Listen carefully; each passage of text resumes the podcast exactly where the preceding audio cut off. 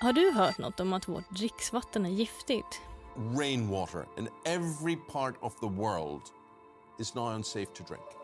Just nu är vi mitt uppe i en internationell mediastorm om att allt vatten i världen, till och med snön på Antarktis, är farligt att dricka.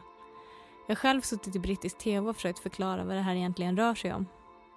Well, Dr. Jana Johansson, I'm feeling quite depressed about this. How shocked are you by, by what the study has found?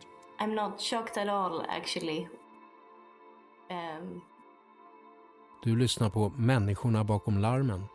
En podcast från Stockholms universitet. Att det finns gifter i dricksvatten och i miljön är ingen chockerande nyhet. I alla fall inte för mig och för alla andra som jobbar med miljöfrågor. Jag heter Jana Johansson och är doktor i miljövetenskap. I den här podden ska jag förklara bakgrunden till det här larmet. Det handlar om en sorts miljögifter som kallas PFAS. PFOS är ett problem. Men det kan finnas något här som utgör ett mycket, mycket större hot som vi inte känner till idag. Jag har intervjuat forskare och myndighetsutövare för att ta reda på hur vi hamnade här och vart vi är på väg. Scotchgard brand protector, invented over 20 years ago by the 3M company. It protects clothing, tablecloths, upholstery. And now you can even buy carpets pre-treated with Scotchgard. PFAS är en grupp kemikalier som används framförallt för att de har vatten och fettavstötande egenskaper. I till exempel pappersförpackningar, textilier och plaster. Du har dem kanske i din stekpanna eller i din regnjacka. De har också använts i många olika industriella processer och i brandskum. PFAS kallas för forever chemicals eftersom de inte bryts ner i naturen. De började tillverkas under 50-talet och har nu hunnit spridas till jordens alla hörn. De finns långt ute i haven och i snön på Antarktis. De finns i maten och i luften och också i dig. Men det som har fått störst uppmärksamhet är att de kontaminerat vårt dricksvatten. I Sverige så ser man ju grundvatten, alltså dricksvatten som en... Man tänker det som gratis nästan. Man tänker inte att det här vattnet som vi dricker eh, hemma eller här i studion faktiskt kostar pengar att tillverka. Marko Filipovic är expert på PFAS i förorenad mark och förorenat vatten. Han var den som gjorde den första upptäckten av PFAS i svenskt dricksvatten, mest av en slump. 2011 var han doktorand på Stockholms universitet. Han forskade egentligen på något annat men när han hade ett gäng gymnasieelever på besök i labbet skulle han hitta på en uppgift åt dem. Han bad dem ta med kranvatten hemifrån. Tanken var att studenterna som kom från olika delar av Stockholm skulle få testa på att mäta PFAS i sitt eget kranvatten. Marco förväntade sig att se ungefär samma halter i alla prover. Men så var det inte. Så var det inte. Så det var ju en, en tjej som, eh, i min grupp eh, som hittade betydligt högre halter. Och då var jag ju själv förvånad. Jag, liksom, det var ju jättehöga halter. 100 nanogram, eller strax under där. Så tänkte jag, liksom, vart kommer det här ifrån? Har vi, vi har ju gått igenom hur man ska jobba på labb, att man ska vara säker, noggrann. Eh, då bad jag henne, kan du gå hem och prov, ta, ett, ta ett till prov med dig imorgon? Så gör vi om analysen. Och vi hittade samma halt igen. Man bestämde sig för att undersöka varifrån kontaminationen kom. Misstanken föll på en militär flygbas i Tullinge utanför Stockholm. Och vi hittade PFAS överallt. PFASen som har använts vid flygplatsen har transporterat sig en lång sträcka till deras dricksvattenverk ut till en sjö, en närliggande sjö. Det fanns från början ingen misstanke om att det skulle vara höga halter i hennes dricksvatten. Nej, absolut. Utan ni försökte komma på en förklaring i efterhand. Ja, exakt. Jag hade, jag hade i alla fall ingen som helst eh, tanke om det. Marcos upptäckt var en ren slump. I samma veva upptäcktes att även Uppsalas dricksvatten var kontaminerat, vilket också var någonting av en tillfällighet. Sedan 1996 samlar Livsmedelsverket in prover från förstföderskor i Uppsala för att kolla deras nivåer av miljögifter. Tanken är att de här kvinnornas exponering för miljögifter ska vara hyfsat representativ för hur det ser ut på andra håll i landet. Men för PFAS-ämnen upptäckte Livsmedelsverket en underlig geografisk trend inom Uppsala och började nysta. Vi hör Emma Haldin Ankarberg, toxikolog på Livsmedelsverket. Det här var då 2010, 2011, 2012 någonstans eh, där vi började analysera prover också retroaktivt. Det hade då kommit en, en bra metod för att analysera PFAS och det är blod. Ehm, och då började vi analysera och så såg vi att, att mammor i framförallt södra Uppsala hade högre halter av vissa PFAS-ämnen än mammor i de norra delarna och började fundera över vad det här berodde på. I de södra delarna av Uppsala ökade halterna av ett visst PFAS-ämne från år till år. Eh, det var lite märkliga eh, siffror. Och då började vi komma in på det här med dricksvatten. Och då, då, startade vi också ett samarbete med Uppsala vatten för att titta på var det här kunde komma ifrån. Och då visade det sig att ja, det fanns i vissa brunnar i, i Uppsala höga halter av PFAS. Man hade alltså hittat höga halter av PFAS både i Tullinge och i Uppsala. I Ronneby hörde man talas om det här och bestämde sig för att använda pengar som fanns över i kommunbudgeten i slutet av året för att kolla om det fanns PFAS i dricksvattnet även där. Det gjorde det. Hittills har det inte upptäckts någon annan plats i världen där folk haft så hög exponering för vissa PFAS-ämnen som i Ronneby. De här upptäckterna gjorde att man började kolla vattnet även på andra håll i Sverige. Det blev liksom, man hittar fler och fler områden och när man hittar områden där flera tusen människor är påverkade då börjar man tänka vilka andra områden har vi som använder eh, grundvatten till, som dricksvattentäkt som kanske är i närheten av en flygplats, som kanske är i närheten av en brandövningsplats. Eh, så att tänket liksom blir mer systematiskt och växer. Här börjar bilden klarna. Framförallt är det platser där man använt PFAS-innehållande brandskum som blivit kontaminerade. När man använt skum för att släcka en brand eller övat på att släcka en brand, då hamnar det i marken. Därifrån sipprar PFAS ut i grundvattnet på en del platser har sånt kontaminerat grundvatten använts som dricksvatten. I Sverige och i många andra länder där man använt brandskum finns ett stort antal sådana här kontaminerade platser. De kommer fortsätta läcka PFAS under lång tid, kanske hundratals år, om man inte kommer på ett bra sätt att få bort PFAS ur jorden.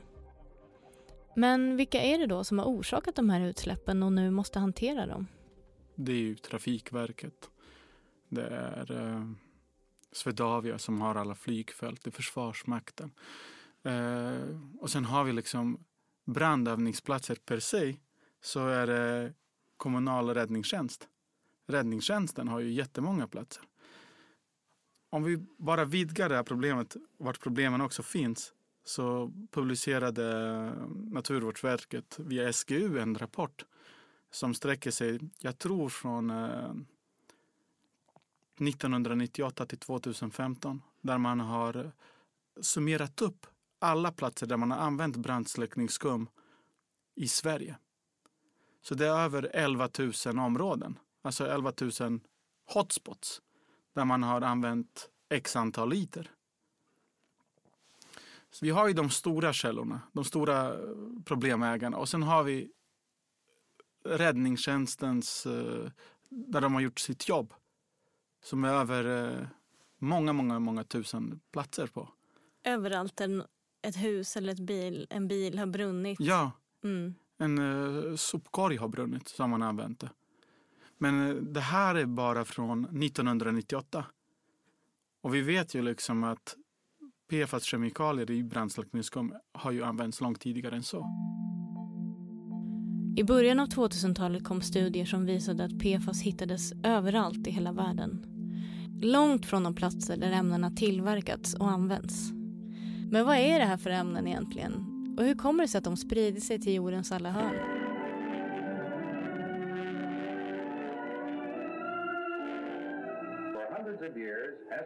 And other Arctic dwellers have kept from freezing with heavy clothing of fur. 1938 uppfanns en plast som var väldigt tålig mot värme och korrosion och hade vatten och fettavstötande egenskaper. Den började säljas under namnet teflon. Den skapades av en slump av en laborant som jobbade med kylmedium på det amerikanska företaget DuPont. Roy, som han hette, fick motta flera priser för sin uppfinning som enligt en motivering främjat välbefinnande, välfärd och glädje hos hela människosläktet. Teflon.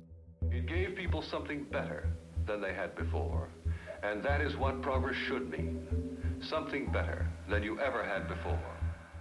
1961 rapporterade en av DuPonts egna toxikologer att ett ämne som användes i produktionen av teflon var giftigt och skulle hanteras med extrem varsamhet. Ämnet hette PFOA och tillverkades av ett annat stort kemikalieföretag, 3M. 3M tillverkade även det närbesläktade ämnet PFOS. PFOS utvecklades i samarbete med den amerikanska flottan för användning i brandskum som effektivt kan släcka bränder i bensin och andra bränslen.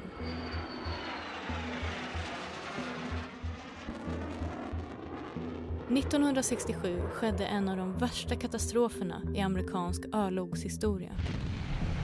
Hangarfartyget USS Foresto låg utanför Vietnams kust när ett elfel gjorde att en raket avfyrades från ett flygplan och for in i bränsletanken på ett annat.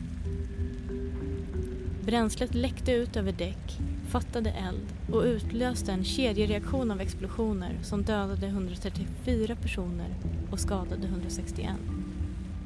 En orsak till olyckans omfattning var att man hade svårt att släcka branden i det brinnande bränslet med det brandskum som fanns tillgängligt.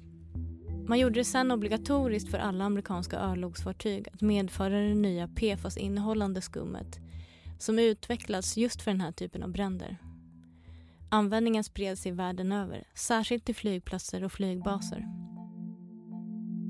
Det kanske var några få som visste att det var ett problem, men det var inte allmänt känt det var, att de här ämnen var problematiska. I slutet av 90-talet annonserade 3M att de skulle fasa ut sin produktion av PFOS och PFOA för att de här ämnena hade potentiellt skadliga egenskaper. Det här var första gången som någon utanför de här företagen ens hörde talas om att de skulle kunna vara skadliga. Vi forskare, vi, vi, vi forskade på andra ämnen på den tiden och uh, vi hade ingen aning att det, det var en intressant uh, forskningsområde. Vi har professor Ian Cousins vid Stockholms universitet. Han var en av de första att börja forska på PFAS för ungefär 25 år sedan. De hittades överallt i hela världen på slutet av, nej, på början av 2000-talet. um, men ändå var det, var det svårt att säga ja, det var ett problem. Um, och det var många som sa att det inte var ett problem, Eh, särskilt tillverkarna. De hade gjort egen forskning ganska länge, de visste att det var ett problem. Ehm, de hittades först i människoblod eh, på ehm, um, 70-talet egentligen. Så det, det var, så de visste att det var ett stort problem, och, men de hade inte pratat så högt om det. Get Scotch brand cellophane tape, made only by Minnesota Mining and Manufacturing, the 3M Company. Från sent 50-tal och framåt hade DuPont och 3M genomfört en rad djurförsök som visade att PFOS och PFOA var giftiga för bland annat råttor, hundar och apor. De uppmätte höga halter av ämnena i deras egna fabriksarbetare och bland dem var det ovanligt hög förekomst av olika sjukdomar. De hittade ämnena i blod från amerikanska blodbanker, det vill säga från individer som inte jobbade eller bodde vid deras fabriker. De hade också förstått att ämnena inte kunde brytas ner i naturen. Men inget av det här kommunicerades till det amerikanska naturvårdsverket. I interna dokument kan man läsa att företagen medvetet undanhöll den kunskap de hade om ämnena i syfte att fortsätta sälja dem så länge som möjligt. I början av 2000-talet var forskare och myndigheters kunskap om PFAS-ämnena begränsad. Man visste att de var svårnedbrytbara i miljön och att de spridit sig globalt men nästan inget om hur de hamnade i människor och hur giftiga de var.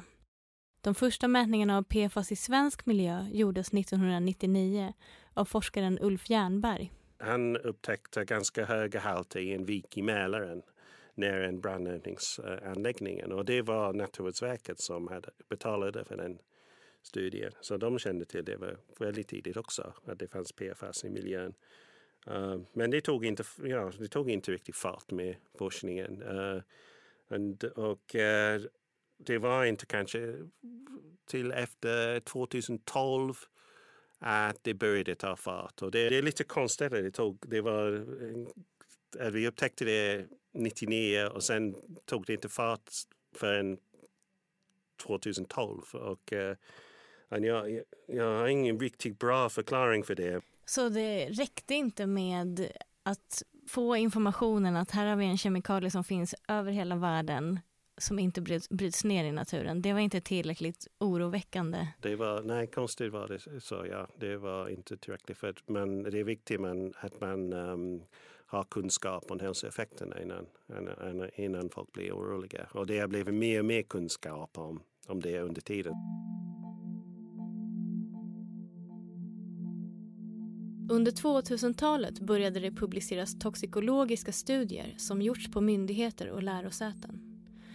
2008 tog den europeiska livsmedelsmyndigheten EFSA baserat på de här djurförsöken fram ett riktvärde för hur mycket PFOS och PFOA som en människa kan få i sig utan att riskera hälsan. Det här är vad vi har haft att förhålla oss till fram till 2020. Då publicerade EFSA ett nytt riktvärde för hur mycket av fyra olika PFAS-ämnen som en person max bör få i sig per vecka. Det nya riktvärdet innebar en kraftig sänkning i förhållande till EFSAs tidigare rekommendation. Det är mer än 2000 gånger lägre. EFSA skriver i sin rapport att många i Europa har ett intag av PFAS som ligger över det nya riktvärdet på en nivå som vi tills nyligen trodde var säker men nu vet kan ge hälsoeffekter. Det betyder att många av oss utsätts för en risk, även vi som inte bor på en särskilt kontaminerad plats. Hur ligger vi till i Sverige? Tittar man så, så ligger de flesta eh, ganska bra. Vi hör Emma Haldin Ankarberg, toxikolog på Livsmedelsverket. Några ligger över, några ligger under. Vi har inga stora marginaler. Vad var det som fick EFSA att sänka riktvärdet så mycket? Jo, att vi fått ny kunskap om hur människor påverkas av PFAS långsiktigt. Det var nya studier helt enkelt som gjorde att, att man valde att sänka det tolerabla veckointaget. Studierna har bland annat visat att exponering för PFAS kan öka risken för att få vissa sorters cancer, påverka kolesterolvärden och leverenzym och minska nyföddas vikt. Men den effekt som man observerat vid lägst exponering är försämrat antikroppssvar vid vaccination av småbarn. De halter som de har i sin kropp beror på att mamman har blivit exponerad. Det vill säga mamman har samlat på sig under hela sin livstid. Sen när hon blir gravid så förs det över via eh, moderkakan till barnet. Sen också att det är mycket PFAS som går över via bröstmjölken. Så de halter som de här små barnen har i sina kroppar det beror på den exponering som deras mamma har haft. Det är just den här effekten som ligger till grund för EFSAs nya riktvärde. När det gäller just PFAS, så det som, eh, som man grundar sitt tolerabla veckointag på det är just epidemiologiska studier där man har tagit blodprover på barn och sett att de barnen med de högsta halterna de hade de här effekterna på immunförsvaret. Eh, och sen har man då helt enkelt räknat om det här till en exponering under fosterstadiet och under amningsperioden. Det finns ju andra hälsoeffekter som sagt när det gäller PFAS men de kommer ju i högre halter och förmodligen i andra, andra befolkningsgrupper. Så länge vi skyddar då egentligen mammor så skyddar vi i, i praktiken också alla andra eftersom eh, andra effekter kommer vid högre nivåer. Fisk, ägg, frukt och dricksvatten. Det är från de livsmedlen som vi främst får i oss PFAS. I år har Livsmedelsverket tagit fram ett förslag till ett juridiskt bindande gränsvärde för PFAS i dricksvatten. Det finns många tusen PFAS-ämnen men det är bara fyra av dem som vi har tillräckligt mycket kunskap om för att kunna sätta ett gränsvärde. Förslaget ligger på 4 nanogram per liter för alla de fyra tillsammans. Det motsvarar ungefär en droppe utspädd i 20 stycken 50 meters simbassänger. Hur har Livsmedelsverket gjort för att ta fram det här nya gränsvärdet? Jag får svar av Sandra Strand, stadsinspektör.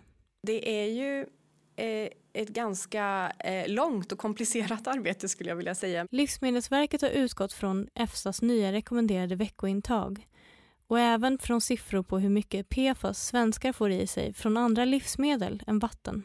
Sen så har, eh, har vi utifrån det tittat på vilka möjligheter finns det faktiskt att sätta ett gränsvärde som är så pass lågt så att man både faktiskt kan rena ner till de nivåerna men också att man kan eh, analysera eh, de låga halterna i dricksvatten. För det, det är lite där vi står just nu, att vi är nere på så pass låga nivåer så att det faktiskt kan bli svårt att analysera det i dricksvatten. Vi kan inte sätta ett värde där det än så länge inte finns någon metod för att komma ner till den nivån. En svårighet är att det nya gränsvärdet ligger under eller nära halterna i miljön. Alltså råmaterialet till vårt dricksvatten. Nu när vi är nere på de här låga nivåerna så kan det ju faktiskt vara så att man behöver inte ha en tydlig förorening man kan ändå eh, överskrida det här föreslagna gränsvärdet. Det kan man till exempel se när det gäller Mälaren som ju är den stora dricksvattentäkten för Stockholm. Eh, där det är klart att det är en sjö och det bidrar ju på något sätt till att det kommer massa småutsläpp från många olika håll. Men det finns samtidigt ingen jättetydlig PFAS-förorening där som vi har sett på andra ställen som i Uppsala eller i Ronneby till exempel. Och eh, alla Stockholms vattenverk eh, ligger i riskzonen för att överskrida det här föreslagna gränsvärdet. Våra vattenverk är nämligen inte byggda för att filtrera bort ämnen som PFAS. Det är svårt att separera så vattenlösliga ämnen från vatten. Ofta så kan man ta bort ganska många kemikalier. Men det mest kostsamma egentligen är poleringssteget. När du tar bort de lägsta halterna till, till noll. Eller så nära du kan komma noll. Mm.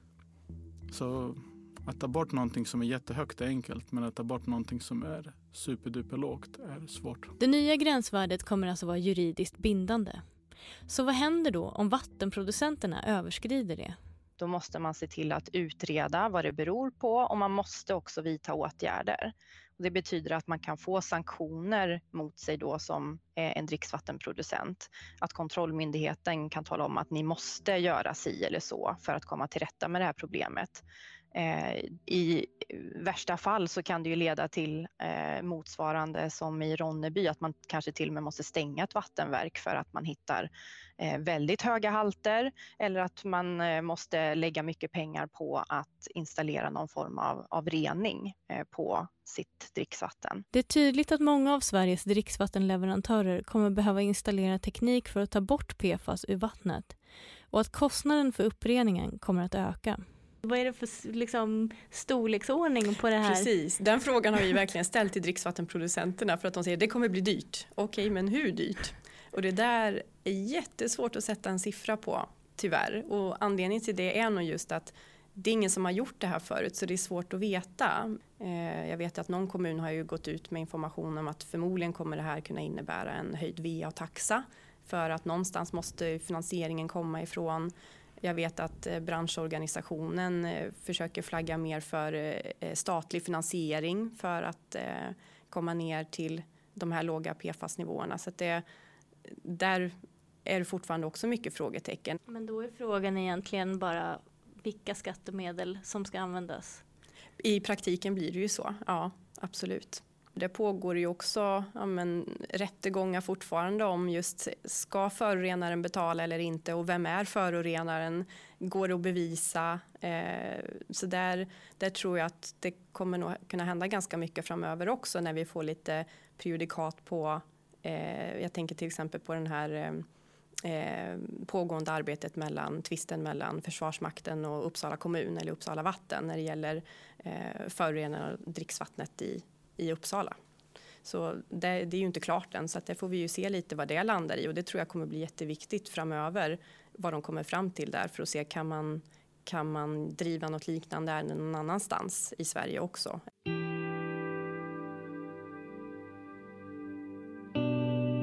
I Sverige kostar PFAS över 4 miljarder per år.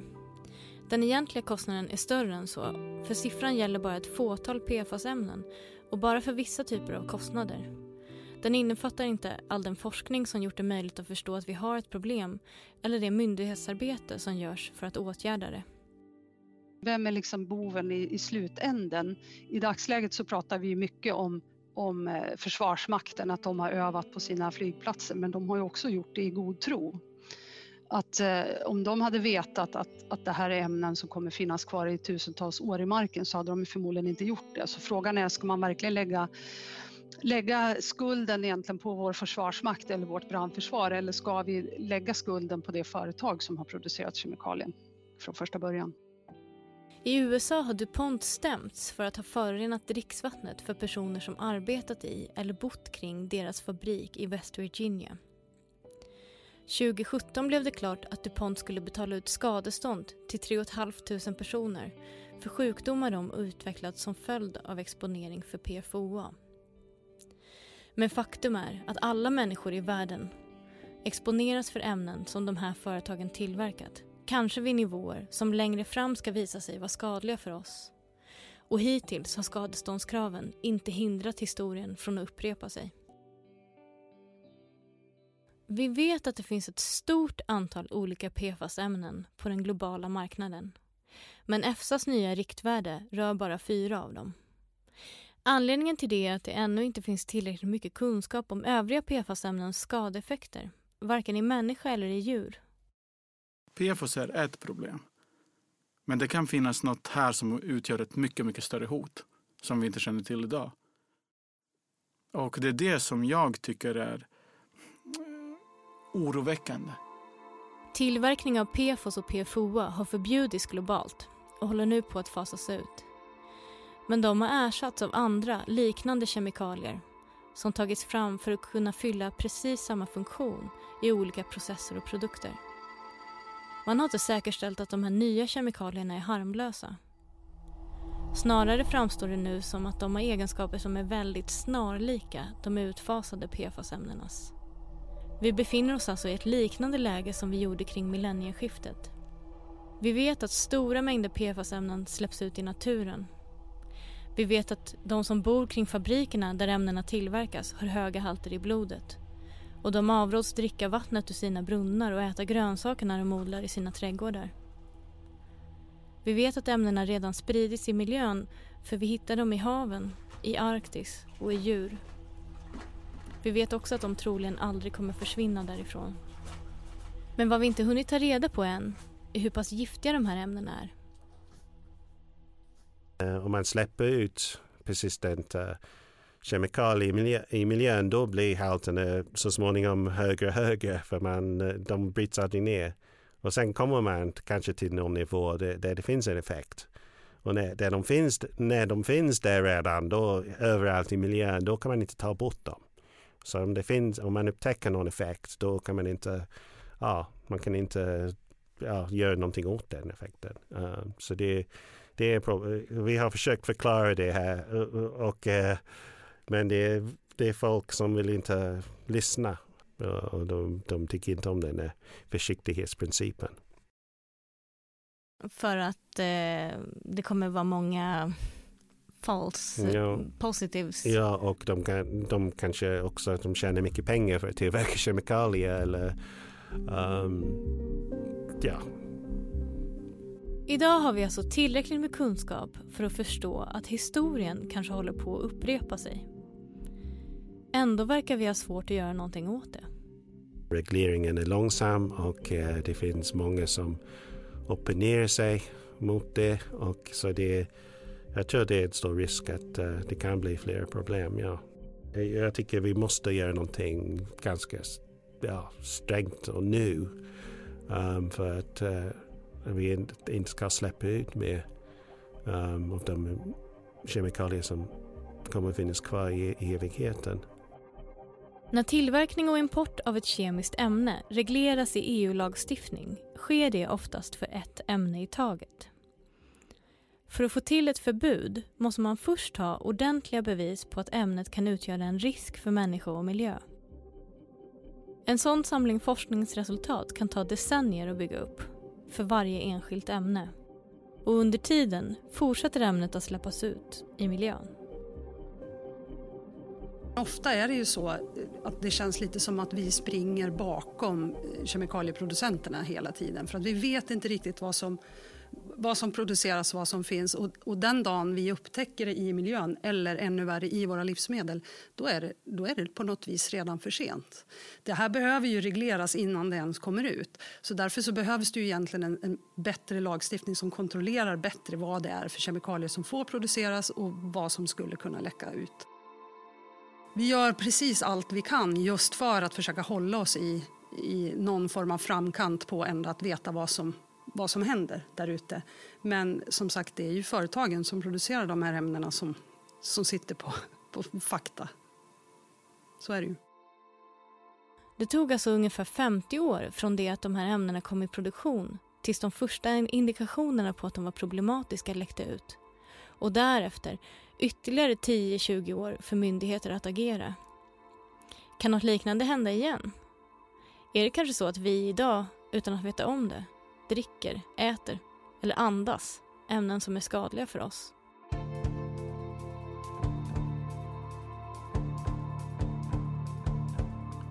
Du har hört Människorna bakom larmen av Jana Johansson.